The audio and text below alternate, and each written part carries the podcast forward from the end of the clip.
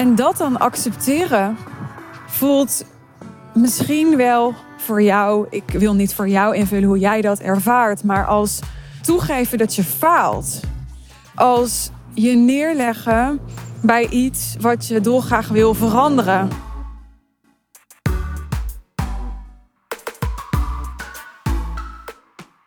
Ik was net een uh, podcast aan het luisteren met uh, Esther Hicks, Abraham Hicks.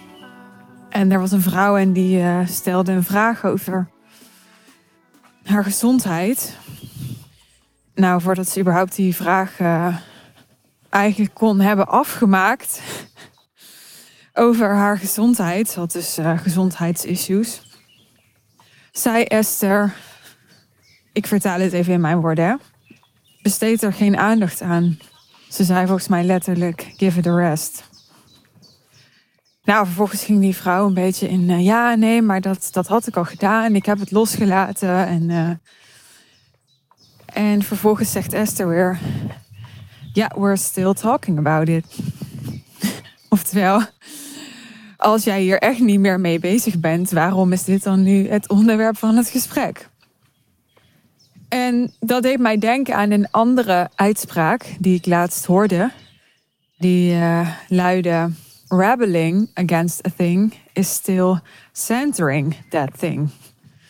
Dus oftewel, ja, je er tegen verzetten, wat weer iets anders is dan er aandacht aan besteden. Maar je ergens tegen verzetten is een vorm van ergens aandacht aan besteden.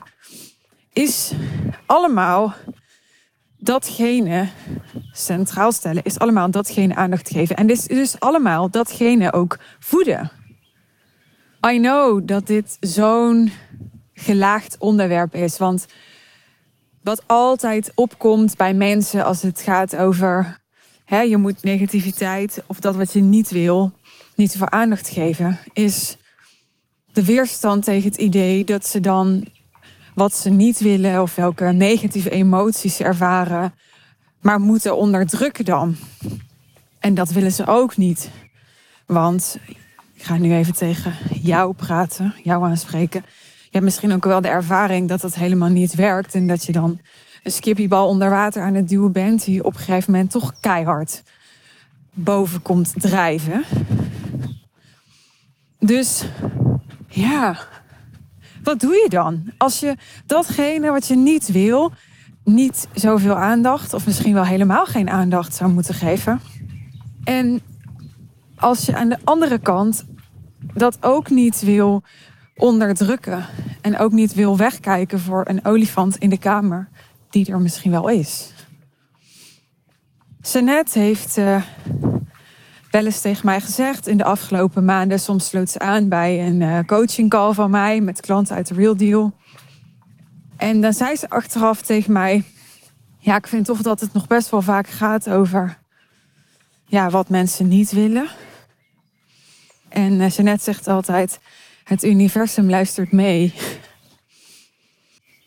nou, dan ga ik nu maar eventjes mezelf uh, als voorbeeld nemen. Want dat voelt altijd veilig. Lekker bij mezelf houden. Ik vind het super moeilijk om niet bezig te zijn met mijn frustraties, met mijn teleurstellingen, met alles wat ik niet goed vind gaan. Ik vind dat echt super moeilijk. Ik kan wel doen alsof het niet zo is, maar dat vind ik gewoon echt. Je kan het vragen aan Marjolein, mijn business manager. Ik zei tijdens onze teamdag nog, ik zei ja, ik vind echt dat ik veel te veel aan het zeuren en aan het klagen ben. Over alles wat er niet goed gaat. Als ik dit opneem, dan uh, is het net hemelvaart geweest. En ja, Marjolein heeft al vrij en ze heeft alsnog al een aantal dingetjes gedaan. Maar ik voel dan gelijk zo'n soort van... Ja, fuck, als Marjolein er niet is, dan komt het allemaal toch weer bij mij neer. En dat wil ik niet. En ik voel me dan toch veel afhankelijker van haar dan ik eigenlijk zou willen. En nou, ik neem dit even als random voorbeeld. Het gaat niet om de inhoud van dit voorbeeld. Het gaat erom dat ik elke week wel 300 van dit soort dingen kan hebben waar ik dan boos over ben. Niet op haar of zo, maar gewoon boos over ben omdat het allemaal niet exact gaat zoals ik wil. Wat mij goed laat voelen. En wat voor mij ideaal zou zijn. En als ik dan zo'n podcast luister van Hicks, dan denk ik weer: oh ja, ja. Hoeveel tijd heb ik vandaag al besteed aan alles wat ik niet wil? En hoe knap is het eigenlijk als je ziet wat ik allemaal heb gemanifesteerd, wat ik wel wilde, gezien de aandacht die ik in mijn leven heb besteed en wat ik niet wil. Ja, daar ben ik dan ook alweer trots op. Maar ik weet dat alles nog zoveel moeitelozer en zoveel meer in flow hè, met, met uh, de universele levensenergie kan gaan. Als ik niet zo zou voeden wat er niet goed gaat. Maar ja, dat betekent dat je dus hebt te accepteren wat er is. En dat is ook doodeng. Herken je dat? Ik vind dat vaak doodeng. Want accepteren wat is, betekent dat je misschien wel. Nou, niet eens misschien. Ik denk dat dat betekent dat we allemaal dan ook zaken te accepteren hebben waar we helemaal niet blij mee zijn. Want niemand is op dit moment met, met alles en iedereen in zijn of haar leven blij, toch? Ik denk dat het zo niet werkt. Nou, misschien heb ik een heel pessimistisch wereldbeeld, zou kunnen, maar ik denk dat er altijd zaken zijn in een aspect van je leven waar het even scheurt op een moment. En dat dan accepteren voelt misschien wel voor jou, ik wil niet voor jou invullen hoe jij dat ervaart, maar als, als toegeven dat je faalt als je neerleggen bij iets wat je dolgraag wil veranderen. En misschien voelt het wel voor je, die resoneert bij mij heel erg, als genoegen nemen. Ik moet altijd kotsen als ik die woorden hoor. Met iets waar je helemaal geen genoegen mee wilt nemen. En daarom, omdat we allemaal verhalen hebben in ons hoofd die rechtvaardigen om maar niet te accepteren wat er op dit moment is, die ook als je het gaat onderzoeken, echt angstgedreven zijn. de angst voor als ik me overgeef aan de situatie zoals die is, dan gaat die nooit meer verbeteren of dan wordt die slechter. Of dan heb ik gefaald. Wat, wat als je dat weer gaat onderzoeken, die gedachte weer gaat onderzoeken, natuurlijk helemaal niet per definitie waar is. ik ga het even. Ik ga even een voorbeeld noemen die helemaal niks met ondernemerschap te maken heeft om het uit de context te halen stel je bent net je baan verloren, dan kan accepteren dat dat zo is, voelen als dat je dan nooit meer een baan gaat krijgen. Want je accepteert dus dat je geen baan meer hebt. Dus ja, als je dat helemaal geaccepteerd hebt, waarom zou je dan nog een nieuwe baan zoeken of krijgen? Of... Maar dat zijn, als je er goed over nadenkt, twee totaal verschillende dingen. Je kunt accepteren dat je op dit moment geen baan hebt. Je kunt accepteren dat je je baan verloren bent. Je kunt accepteren dat je op dit moment geen inkomen hebt. Je kunt accepteren zelfs ook dat je op dit moment niet solliciteert. En dat wil dan niet zeggen dat dat, dat voor altijd zo is.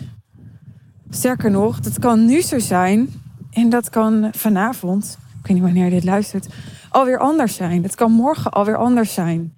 Je kan morgen iemand tegenkomen die jou een baan aanbiedt. Dat gaat niet, niet gebeuren omdat jij gevochten hebt tegen het feit dat je nu geen baan meer hebt.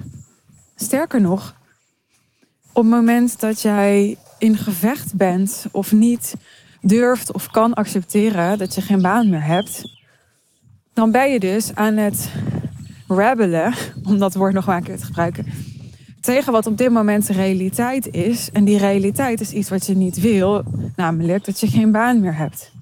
Dus je bent aan het voeden dat je geen baan meer hebt, waardoor de kans dat er morgen iemand spontaan naar je toe komt om je een baan aan te bieden, volgens de wet van aantrekking echt kleiner is.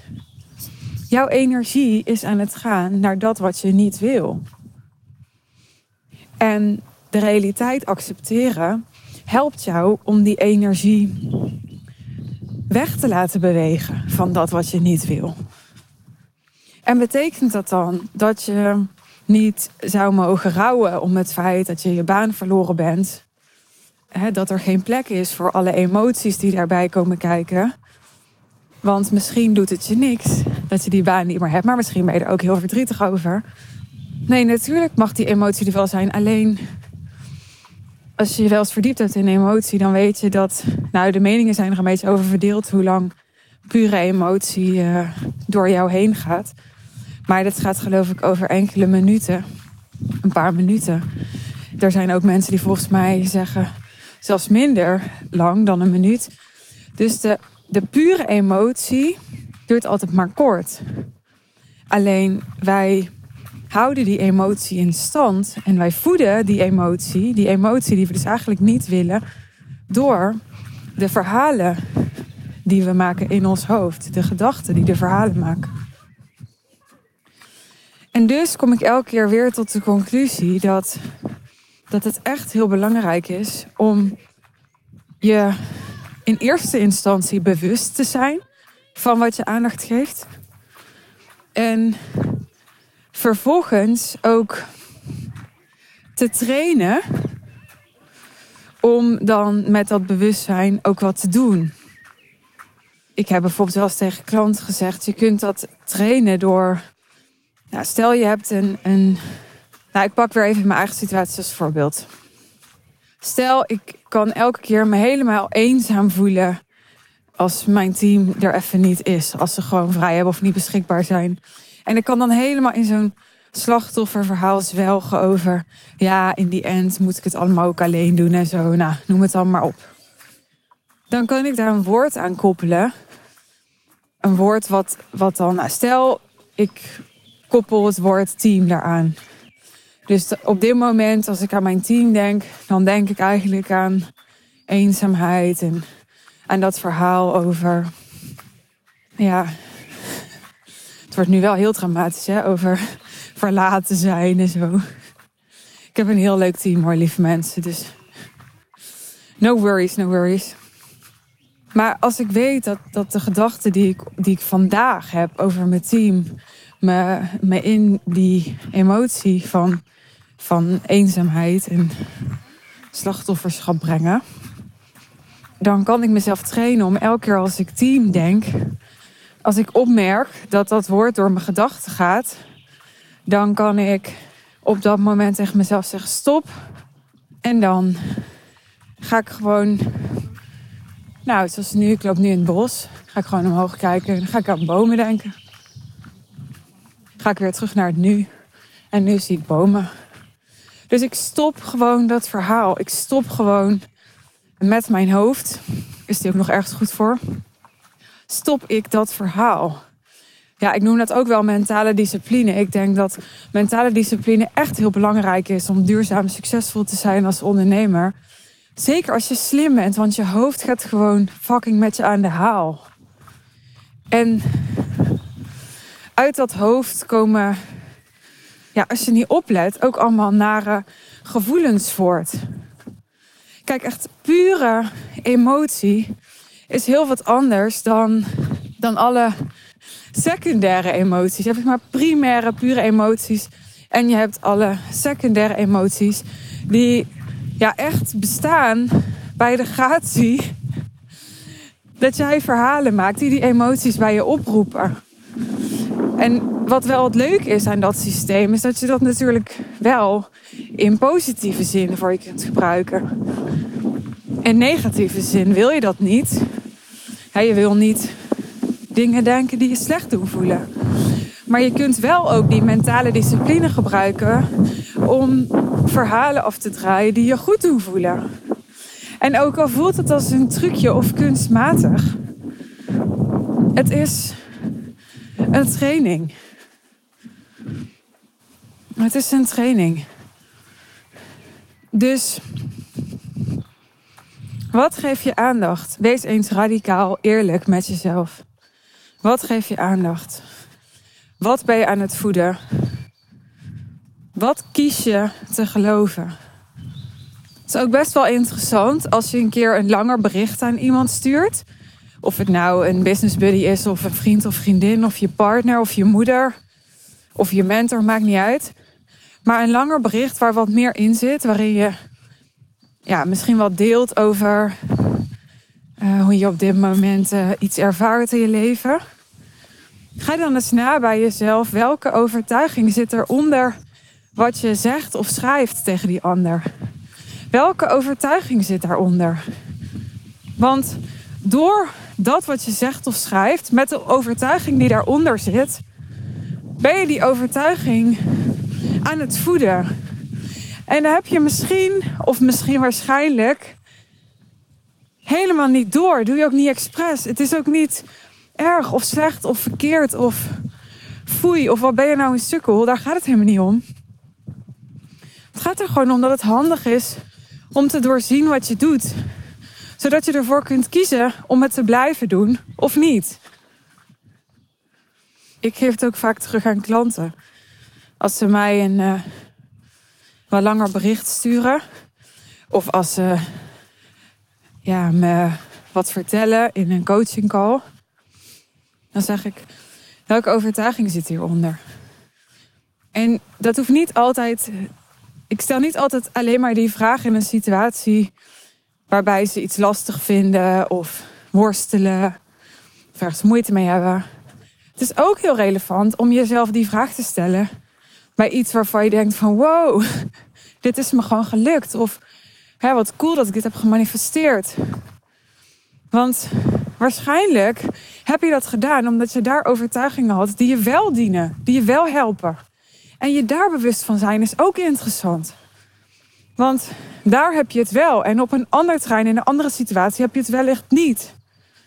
Dus hoe kun je die helpende overtuiging in dat ene aspect van je leven, hoe kun je die ook integreren in een ander aspect van je leven, waar je die ook graag wil benutten?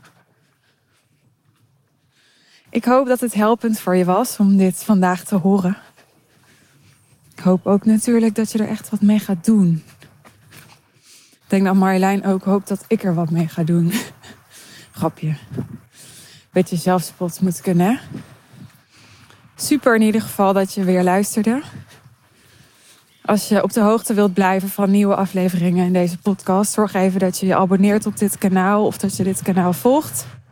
En als je voelt dat het tijd is om uh, door mij geholpen te worden, misschien is het tijd om een ander verhaal te gaan voeden over jezelf, over je toekomst, over wat succes is voor jou, over je ambities, over dat wat je echt wil. Als je echt eerlijk bent. En als je daar onder andere accountable voor gehouden wilt worden. En super scherp opgehouden wilt worden door mij. Boek dan je call over uh, ons business traject, de Real Deal. Je vindt de link naar de sales page over de Real Deal in de show notes. We zien uh, jouw afspraak met ons heel graag tegemoet. Tot de volgende aflevering. Bye bye.